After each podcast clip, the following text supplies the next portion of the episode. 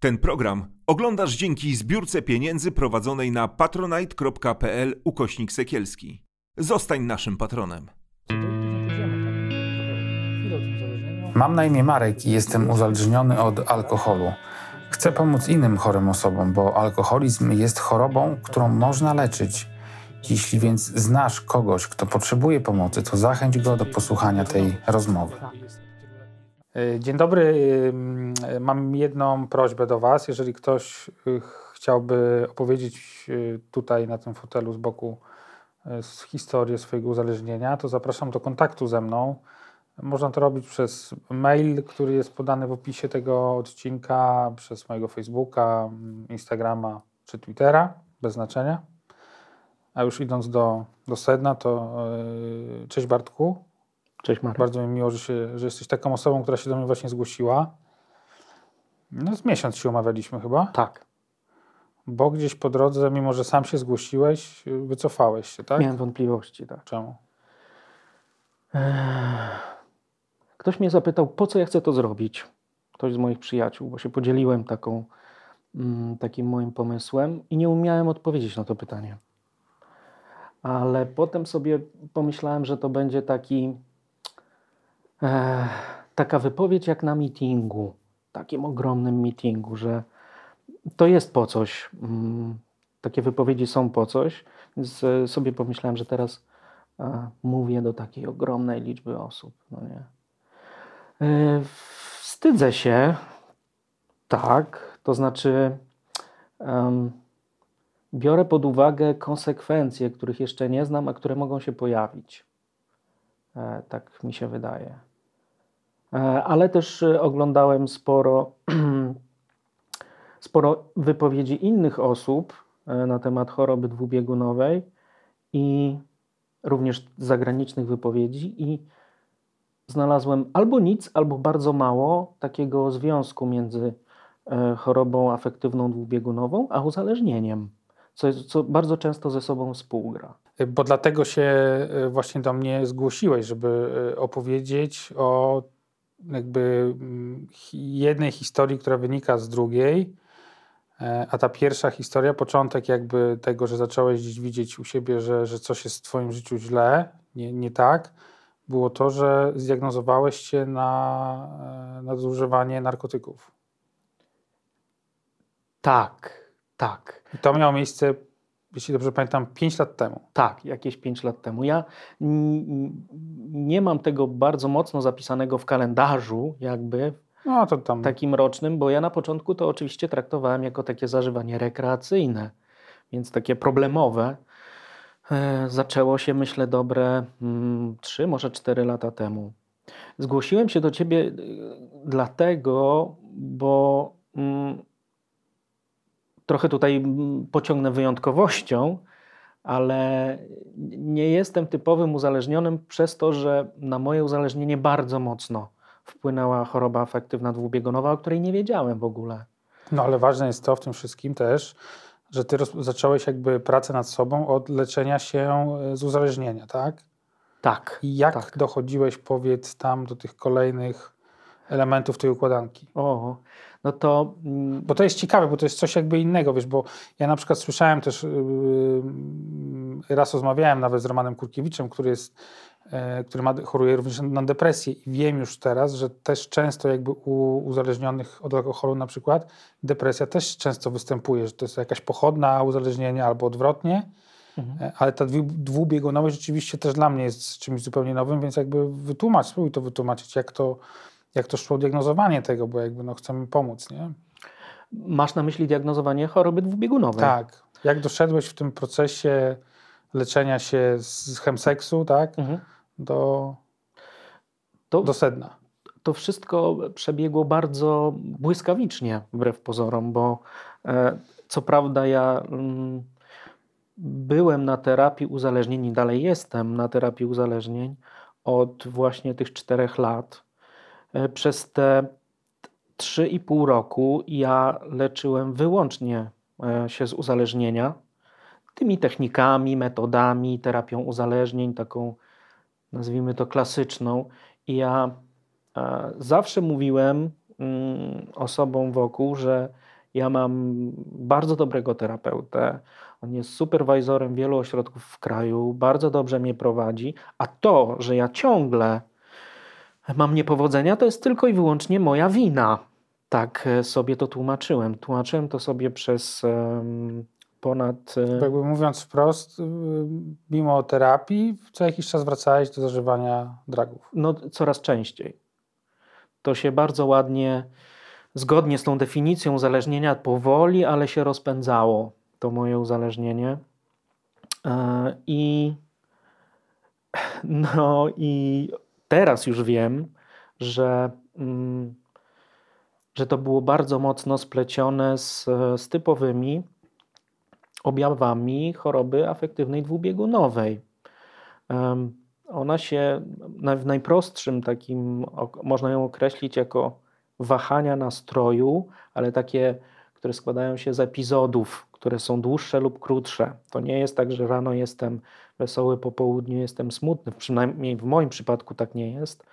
Ta choroba składa się z epizodów e, depresyjnych, które nie zawsze muszą mm, się objawiać tym, że jestem smutny albo że płaczę.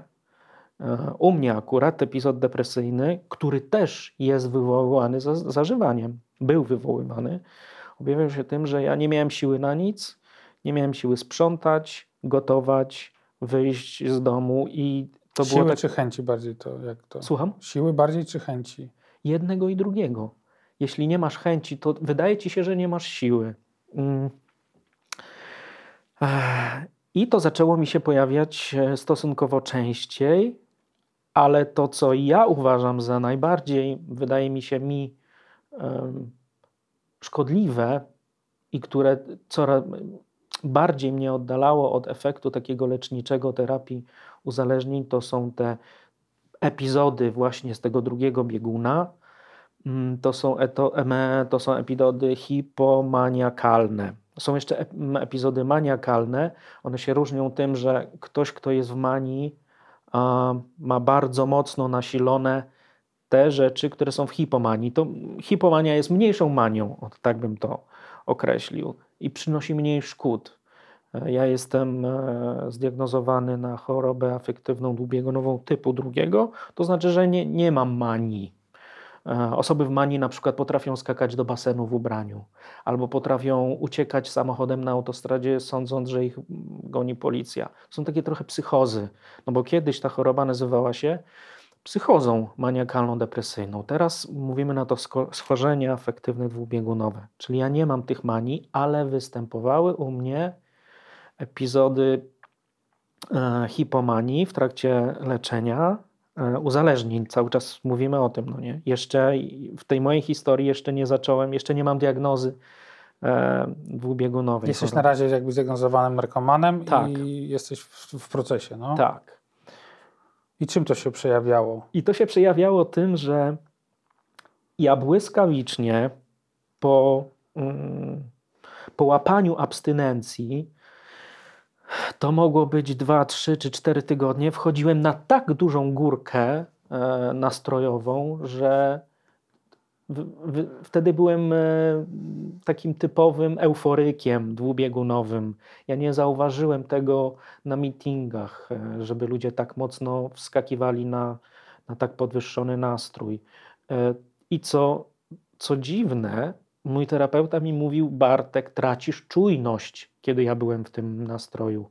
Zapominasz, że jesteś chory, że jesteś bardzo chory, że zarzuc, zarzuc, za, zarzucasz te narzędzia, które ci zaleciłem. Przestajesz pisać dzienniczek uczuć, już nie czytasz literatury, bo wydaje ci się, że jest już wszystko dobrze, bo tak działa epizod hipomanii. Bo czujesz się po prostu zajebiście, tak? Tak. I ja chcę robić tylko przyjemne rzeczy teraz w epizodzie hipomanii. No kto nie chce? I ja jestem niezniszczalny poniekąd. Nic mi się już teraz nie stanie. Mówiłem bardzo często w tych epizodach hipomaniakalnych mojemu terapeucie, ja już nigdy tego nie zrobię, bo byłem do tego o tym przekonany. A jeśli jestem już tak silny, to mogę sobie pozwolić na jeszcze jeden raz. Za, za życia narkotyków, no nie? Które wiązało się. Czyli ta euforia cię prowadziła do tego, żeby ją rozładować po prostu tak. narkotykami. A, bo była niesamowitą przyjemnością. Osoba w epizodzie hipomaniakalnym jest nastawiona na satysfakcję i przyjemność, bez względu czasem na mniejsze lub większe koszty. I z zewnątrz taka osoba może wyglądać właśnie, być wesoła, wesołkowata, e, podejmować takie ryzyka, mniejsze lub większe. E, no ja mogę Ci przedstawić taki przykład z grubej rury z zeszłego roku, z lata, kiedy nie byłem jeszcze zdiagnozowany na tą chorobę, ale to, to, był, to jest przykład podręcznikowy. E, ja byłem podleczony antydepresantami, co jest ogromnym błędem w przypadku większości osób z chorobą afektywną dwubiegunową, bo jeszcze podbija ten nastrój. Um, no ale jak się nie ma tej diagnozy, no to, no to psychiatra zapisuje coś takiego, bo my, czyli osoby z HAD, najczęściej przychodzimy do lekarza, gdy jest nam źle. Czyli prosimy, no, no tak. panie doktorze, no nie mam siły, tutaj dużo jem, bo ja akurat dużo jem, gdy jestem właśnie w tym epizodzie depresyjnym, więc najprostszą i chyba skuteczną taką, stosunkowo rozsądną metodą takiego lekarza jest zapisać e, antydepresanta, więc wskoczyłem na tak, w tak wysokich rejestrach byłem zeszłe lato, że w przeciągu myślę 20 minut po przeczytaniu artykułu w gazecie o tym, że w Szwajcarii jeździ taka kolejka e, górska wpisana na listę UNESCO, a jestem miłośnikiem kolei e, i lubię jeździć samochodem, więc w przeciągu, nie wiem, może pięciu dni, może tygodnia zorganizowałem ten wyjazd. Wsiadłem do samochodu z moim kolegą, którego udało mi się namówić, bo ja też wtedy w tym stanie jestem namówić moich znajomych czy przyjaciół do naprawdę wielu rzeczy. Jestem niesamowicie przekonywujący. I pojechaliśmy do tej Szwajcarii. E, wcześniej, przed wyjazdem, ja znalazłem osobę, która, która pomalowała mi wszystkie sufity w domu, bo dałem jej takie zlecenie, wytapetowała mi dwa pokoje w domu i jeszcze różne inne rzeczy. Bo ja byłem pod tak, na tak wysokim w tak wysokim e, nastroju i w epizodzie hipomanii. No i pojechałem do tej Szwajcarii, przejechaliśmy się tym, tym pociągiem, było wszystko fajnie, ale gdy, gdy ja wróciłem, to byłem potwornie zmęczony. Co wiemy, to było podręcznikowe złamanie haltu. E, a propos, w chorobie dwubiegunowej też mamy własne literki i własne takie zasady, które są trochę podobne. I to się po prostu źle skończyło. No, ja pamiętam taki mały atak paniki po powrocie, gdy ja nie miałem gdzie spać. No bo tam były wszędzie te folie takie, takie remontowe mhm. na tych wszystkich meblach i potrzebowałem tak mocno odpocząć po tym wyjeździe, a nie miałem e, gdzie się, gdzie się wyspać, że zacząłem w takim, w takim trochę dużym lęku i w takiej panice odgruzowywać to mieszkanie. No nie? Więc e, więc ten podwyższony nastrój zaraz był um, zbijany w zasadzie poniekąd e, epizodem no, z narkotykami. No nie? I gdy zacząłem. Mm, no tak, i tak to wyglądało.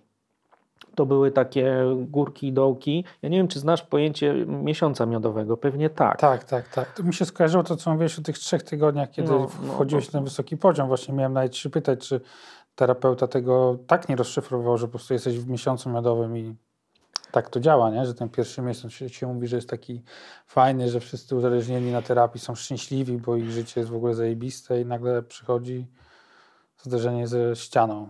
Tylko, że ja tych miesiąców miodowych miałem kilka w ciągu roku. To jest właśnie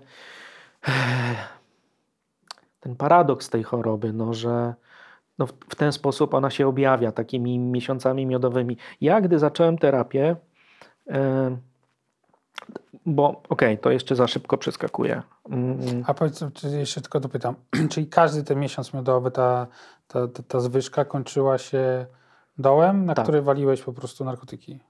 Czyli to taki był schemat mniej więcej? Nie. Nie.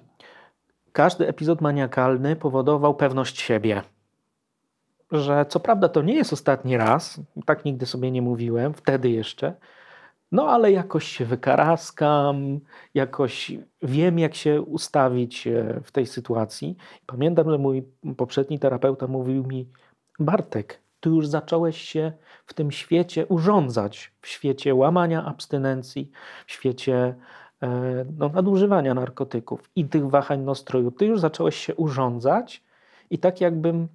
A jego zalecenia zacząłem uważać jako narzędzia opresji, tak naprawdę. On mi kiedyś to powiedział wprost. Przecież jesteśmy tutaj, żeby ci pomóc, a ty moje zalecenia no, traktujesz jako narzędzie opresji. On oczywiście miał rację, ale złamania abstynencji były mm, nie tylko w tych podwyższonych nastrojach, ale gdy ja odstawiłem antydepresanty, no nie sam po, po po tej całej, mm, po tym epizodzie hipomaniakalnym w zeszłym roku, po tych remontach w domu, po tym wyjeździe, mm, no to tak za dwa, trzy miesiące przyszedł epizod e, depresyjny. I wtedy już się idzie w nauk na, smuta, na smutasa, no nie. Więc w zależności od tego, w jakim jestem stanie, w ten sposób wchodzę w te sytuacje nałogowe, no nie. No i powtarzam, w moim przypadku to było tak.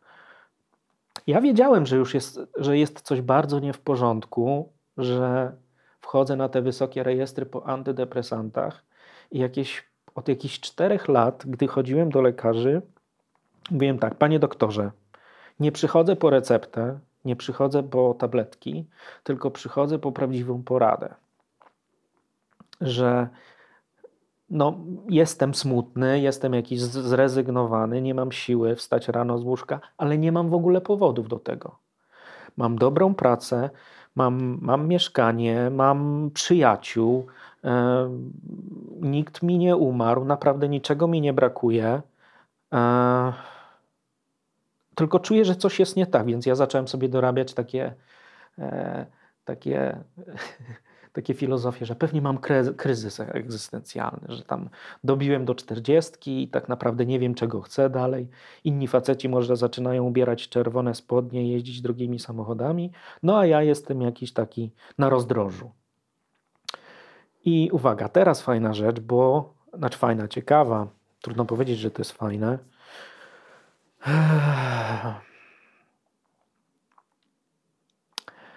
Okazało się później, to znaczy w zeszłym roku w, w listopadzie, że ja tą chorobę miałem zdiagnozowaną w 2015 roku i w 2019 roku, ale lekarz mi o tym nie powiedział. E, natomiast e, gdy ja już byłem tak zdeptany w zeszłym roku, bo ja jestem też bardzo drażliwy na, w epizodzie hipomaniakalnym, jak jestem jeszcze podpalony tym antydepresantem, to no ja, jest, ja jestem w stanie rzucić no, niemałym przekleństwem e, w obcą osobę. E, miałem też dużo wcześniej, jeszcze przed uzależnieniem, e, takie epizody, że na przykład szarpałem się ze strażnikiem miejskim, bo jechałem rowerem po chodniku na Alei Solidarności, gdzie trudno jest jechać po jezdni i on chciał mnie zatrzymać, żebym tego nie robił. I z nim się poszarpałem. Ale było to na antydepresancie, po którym byłem e, we wspaniałym nastroju i, e, i ten lekarz e, zalecił mi, żebym go odstawił. Bo oczywiście ja poszedłem do niego mówię, panie, lekar- panie doktorze, wspaniały lek. Ja nie chcę porady, ja chcę właśnie receptę. I on zaczął mówić, ale jak pan się czuje? No i wtedy doszliśmy do tego, do tego szarpania się, do tego, że ja o 11 wieczorem wychodziłem biegać, o 4 rano wstawałem sprzątać łazienkę. To są takie typowe objawy choroby afektywnej dwubiegunowej i on wtedy mi odstawił tego antydepresanta i przepisał mi stabilizator nastroju, nie mówiąc mi o tym, że właśnie zdiagnozował mi HAD. A dlaczego on ci o tym nie powiedział? Bo to jest ja tak potem tak przerywam, ale to jest ciekawe. Nie? Ja Bo... potem dzwoniłem do niego, ponieważ mój poprzedni terapeuta, gdy ja otrzymałem tą, tą kolejną, trzecią diagnozę, taką już w alarmowy sposób mi przekazaną, to on powiedział: zadzwoń jeszcze do innych e, lekarzy, żeby potwierdzić albo wykluczyć. Mhm. I ja zadzwoniłem do niego I on mówi, ale ja tu w karcie mam napisane, że ja panu to zdiagnozowałem, ale nie mówię tego pacjentom, żeby za dużo nie googlowali. Ale Ciekawe podejście, ale Być dobra. może miał rację. Natomiast e, w jakimś, myślę, że to było 2019 rok, byłem u kolejnego lekarza. Powiedziałem to samo, że, że jest coś ze mną nie tak i, i, i, i ja to czuję, ale nie wiem co i wiem, że antydepresant mi nie pomoże. I on zaczął mi zadawać, wtedy mi się wydawało, dziwne pytania. Na przykład pierwsze pytanie jego w wywiadzie było, czy ma pan kredyt hipoteczny? Tak. Ile pan ma tych kredytów? I ja powiedziałem ile, bo to jest więcej niż jeden. Jako kto pan pracuje? Ile pan zarabia? E, w jakich okolicznościach ja mieszkam? Czy mam przyjaciół? Ja sobie wtedy myślałem, że to są pewnie fakty, które w jakiś sposób obciążają moją psychikę. A teraz już wiem, że on mnie diagnozował na HAD. Bo osoby w epizodach manii czy hipomanii zaciągają kredyty, kupują niepotrzebne e, rzeczy czy przedmioty, i moje mieszkanie też jest takie trochę obłożone tymi rzeczami. Ja w, w, nie wiem, w minutę potrafię zdecydować, że kupuję tableta graficznego, bo mi jest na pewno potrzebny. I on teraz sobie tam leży gdzieś. No i jak. E, no i możemy teraz przejść do tego zdeptanego Bartka, który idzie do pani psycholog poleconej przez kogoś i mówi: Pani doktor, nichuja, ta abstynencja nie jestem w stanie jej utrzymać. Widzę na meetingach, jak osoby są w stanie to robić. E, byłem w ośrodku, nic to nie dało. Byłem na terapii tej takiej ambulatoryjnej. Byłem nawet na oddziale dziennym, Marek. Codziennie jeździłem tam. Byłem znów na antydepresancie. E, byłem tam niesamowicie pewny siebie. Pamiętam, mieliśmy tam taki, jedna z, z dziewczyn, bo dmuchaliśmy tam w ten alkomat jej coś wyszło i ja wstanąłem w jej obronie, że słuchajcie, może to urządzenie jest zepsute. To był, to był, no, to był, to był hadowiec we mnie. No i mówię do niej, pani doktor, nie utrzymam tej abstynencji. Proszę mi dać może jakąś tabletkę na senną, że jak będzie mnie brało, to ja ją łyknę i zasnę. Rozmawiamy tak kilka minut i to była teleporada, bo to już były czasy pandemii. To był koniec listopada. I ona mi mówi: Pan nie utrzyma abstynencji, ponieważ choruje pan na chorobę afektywną dwubiegunową i pan nie utrzyma abstynencji. Ja mam takich pacjentów jak pan i wiem, że nie utrzyma pan abstynencji. I pamiętam, że ja powtórzyłem chyba w trakcie tej rozmowy ze dwa razy, ale pani mnie nie zna, bo ona mnie nie znała. To była pierwsza wizyta moja u niej. I ona mówi, no, ale mam kilkunastoletnie doświadczenie w diagnozowaniu.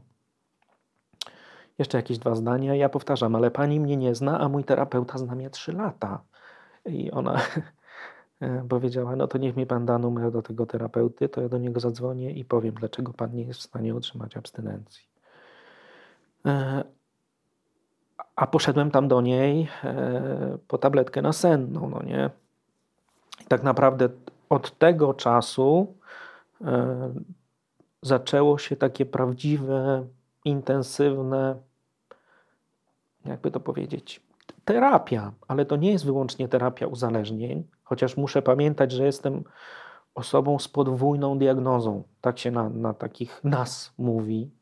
To znaczy, że my jesteśmy jednocześnie, mm, mógłbym tak powiedzieć na meetingu, mam na imię Bartek, E, mam podwójną diagnozę, cierpię na chorobę afektywną dwubiegunową i jestem uzależniony, bo to jest nierozerwalne.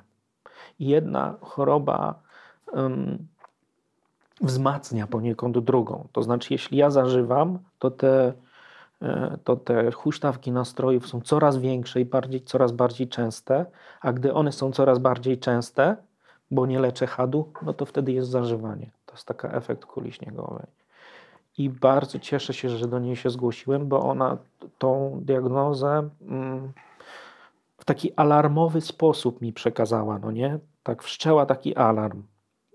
Co prawda spokojnym tonem, ale dla mnie to było coś takiego bardzo ważnego.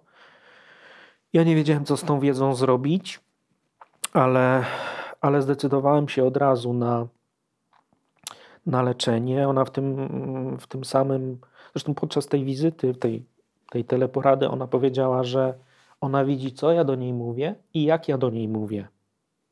Jej to już wystarczy, że ona zobaczyła we mnie epizod hipomaniakalny, bo ja byłem na antydepresantach wtedy. To była taka poniekąd taka, takie roszczenie, takie, że ja już wiem, co mi należy zrobić, czego mi potrzeba i proszę mi to dać. No i ona bardzo ładnie mnie zbiła z tego, z tego tropu. Od razu zacząłem e, leczenie, czyli wypisała mi receptę, którą wykupiłem. No i tak to się zaczęło. Znalazłem też. E, nie, nie było łatwo mi się pożegnać e, z poprzednim terapeutą. Było to bardzo trudne dla mnie, który ostatecznie no, uważał, że, że ja jednak nie cierpię na tą chorobę, a nawet jeśli tak, to taką. Ja to przyjmuje taką siłową abstynencją, czyli za wszelką cenę nie doprowadzić do sytuacji nałogowej. On uważał, że taką, taką abstynencją da się te wahania nastrojów zlikwidować. Może ma rację, ale ja próbowałem i, i, i mi się nie udało. To mniej więcej rok temu, tak? Ta zmiana? Nastąpiła? No to było w listopadzie, czyli to jest dopiero pół roku. Czyli ja dopiero. W 20 roku. Tak. Ja dopiero wszystko to rozkręcam w pozytywnym kierunku, w dobrym kierunku. Teraz. Teraz. Mm, i... A powiedz mi, doszedłeś, bo hmm? wspomniałeś coś takiego, że tak naprawdę ta historia się w ogóle zaczęła jakieś 15 lat temu, się okazało. Tak. Bo ów lekarz, który mnie pytał o kredyty mieszkaniowe, powiedział mi potem, że. Yy, Przyczyny choroby dwubiegunowej mogą być albo traumy z dzieciństwa, albo takie, mm, oni to nazywają przyczynami organicznymi. Ja 15 lat temu bardzo mocno zachorowałem. E, byłem w szpitalu e, kilka nawet miesięcy i straciłem wzrok w jednym oku.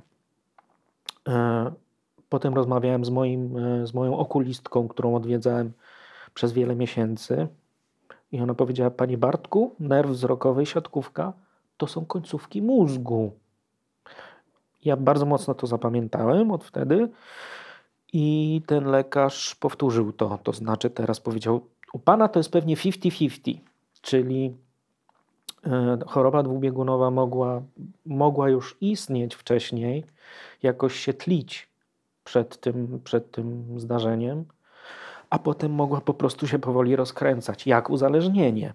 I, I to też jest takie znamienne, bo ja doskonale pamiętam, jak ja w epizodach hipomaniakalnych zmieniałem pracę.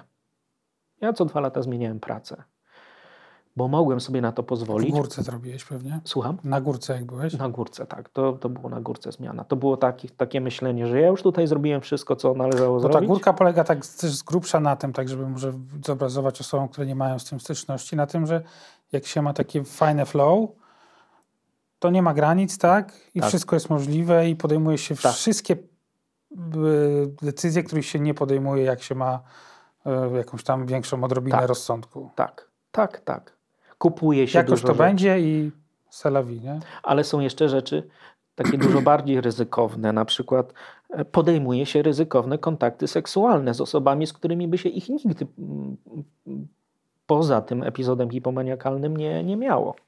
Ponieważ, a tutaj się ten chemseks tutaj w Twoim przypadku Tak, tutaj się to, to, to, to jest potworna przyjemność przecież. Osoby w epizodzie hipomaniakalnym są e, są skierowane na satysfakcję, na przyjemność, na poczucie szczęścia i są w stanie zrobić sporo, dużo, żeby, żeby, żeby ten stan osiągnąć.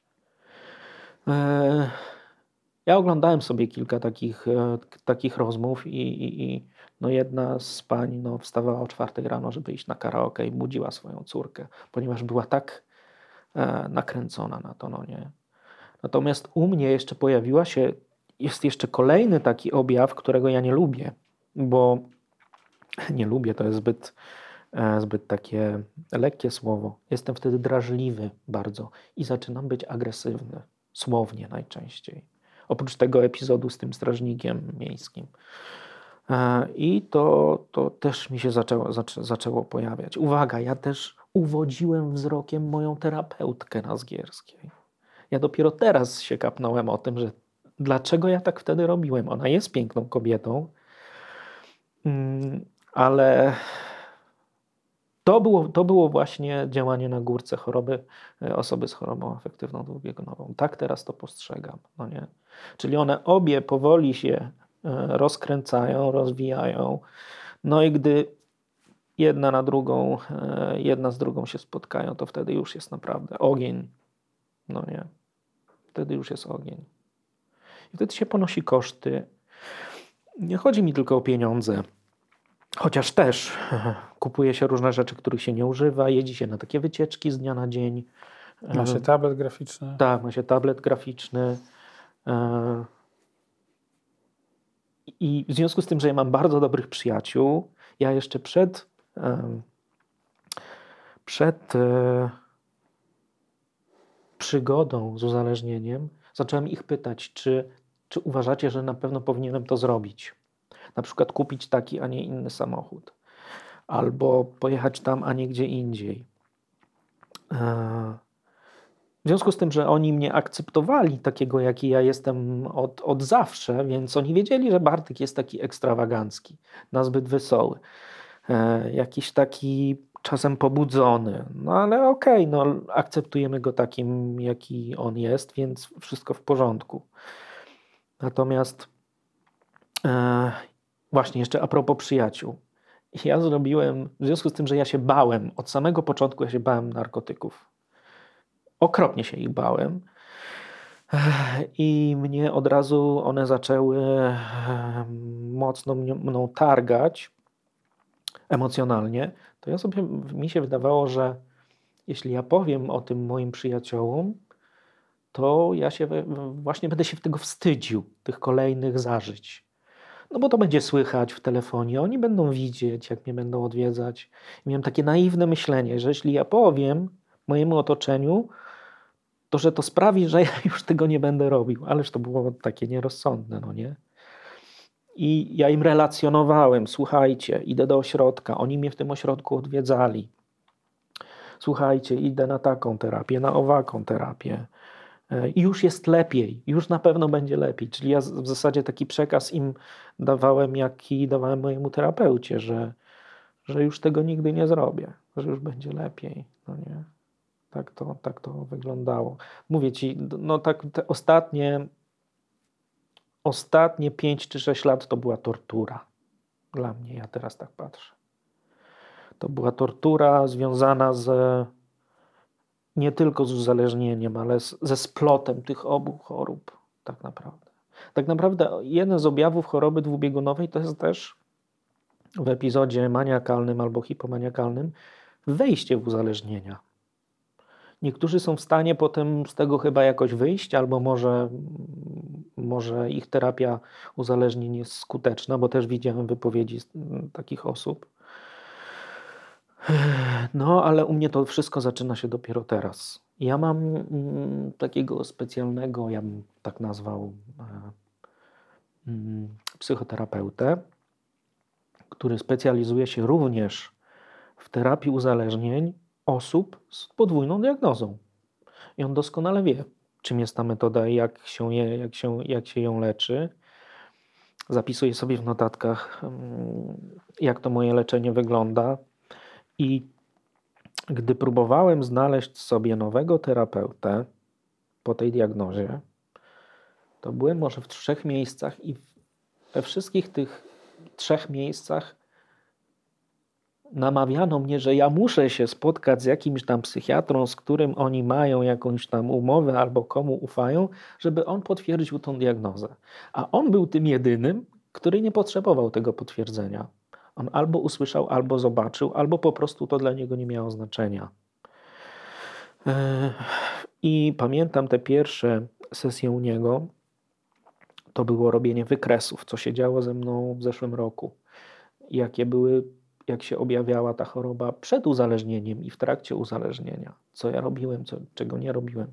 Robiliśmy takie, ja mam taki repertuar takich, takich zachowań, zachowań głównie od minus 4 do plus 4. Jak one się.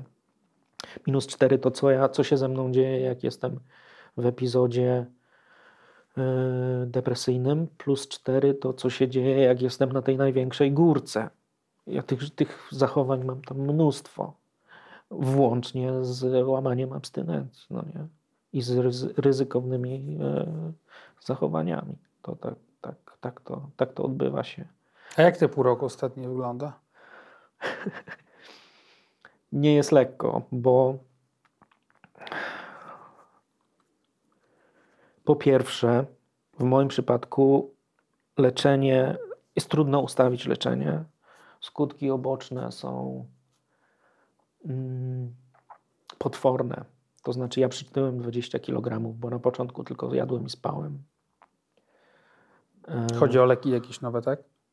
Tak? To ma jakiś związek z, z nowymi lekami? Czy? Tak, tak, tak, tak. Leki na chorobę afektywną mhm. biegunową. E, teraz jestem już na trzech aż i trzeba je w odpowiednich proporcjach cały czas testować, więc jak już zaczynam mniej jeść, to robimy jakąś zmianę. Ja znów zaczynam więcej jeść, zaczynają mi się ręce trząść, wypadają mi przedmioty, więc to nie jest łatwe leczenie, ale wiem i, i, i, i ta stabilizacja nastroju może trwać nawet rok. Taka farmakologiczna. A jednocześnie Ustawienie zdajesz... tak naprawdę tej właściwej takiej terapii jakby lek tak, lekowej. tak. tak bo jedziemy na trzy maniki. To znaczy, ja mam terapię uzależnień, psychoterapię i psychoedukację choroby afektywnej dwubiegunowej, żebym się tego wszystkiego nauczył, dlaczego tak robiłem, y, z czym to się wiąże. I ten mój psychoterapeuta właśnie pełni te trzy role. No nie? I teraz musisz się skonfrontować nie tylko z tym, co robiłeś w trakcie uzależnienia, ale z tym, co robiłeś przed nim i co w trakcie uzależnienia robiła z tobą choroba afektywna dwubiegunowa, bo to jest wstyd okropny. Ja potrafiłem trzasnąć drzwiami na meetingu, ja potrafiłem, e, nie wiem, różne rzeczy robić okropne. Potrafiłem w pracy na dużym open space'ie krzyknąć, wkurwiasz mnie do kolegi z pracy. Nikt tego nie robił. Ani przede mną, ani pewnie po mnie. Bo byłem po prostu w podniesionym nastroju i uważałem, że ja i tylko ja mam rację. No to są. Trzeba też w tej całej psych psychoedukacji, ja dowiaduję się tego, że trzeba, a to jest trudne, trzeba oddzielić to, kim się jest, od tego, co robi z, z tobą twoja choroba. Co jest trudne nawet dla mnie. Ja nie wiem, czy ja jestem zarozumiały, czy ja jestem zarozumiały, bo jestem na górce chadowej. No nie. No to, to jest, musisz, musisz się nauczyć siebie na nowo. Tak bym to określił. I skonfrontować się z wszystkimi tymi rzeczami, które były wcześniej. I ja jestem teraz na takim etapie, że, że zaczynają mi do głowy przychodzić wszystkie te rzeczy, które robiłem i mówiłem.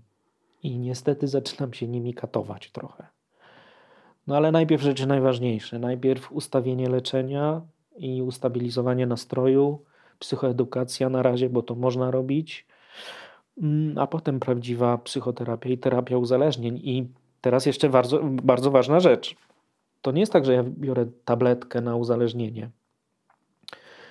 I wiem to, bo miałem nawrót w tym roku.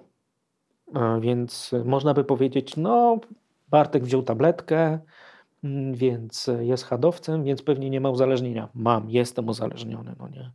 Więc to, to, te choroby są tak mocno ze sobą związane. No, brzmi to jak koszmar, natomiast muszę Ci przyznać, taką wdzięczność czuję do Ciebie, bo mi otworzyłeś w głowie dużo różnych takich moich zachowań i w ogóle takich ciekawych jakby koncepcji, które mi się układają. Nie będę o tym opowiadał teraz, bo to jest na inną historię w ogóle. Mm. Nie chcę Ci podziękować za to, bo e, no, też mi pokazałeś jakby zupełnie taki, taką nową właśnie dla mnie też sferę tego takiego naszego życia psychicznego i tego po, połączenia się różnych takich y, systemów. różnych zaburzeń, które pewnie nie tylko ja mam, nie tylko ty masz. Myślę, że też pewnie spora część naszych y, widzów czy słuchaczy Mm. gdzieś się w tym odnajdzie. E, No i zrozumiałem to, dlaczego, dlaczego jak pisałeś do mnie, że chcesz mi opowiedzieć o swojej pięcioletniej nieudanej próbie wyjścia z Mm. e, walki z, jakby z uzależnieniem, no to, to mi to bardzo dobrze wy- wytłumaczyłeś dzisiaj. Dziękuję Ci. Dziękuję. Ten program oglądałeś dzięki zbiórce pieniędzy prowadzonej na patronite.pl ukośnik sekielski. Zostań naszym patronem.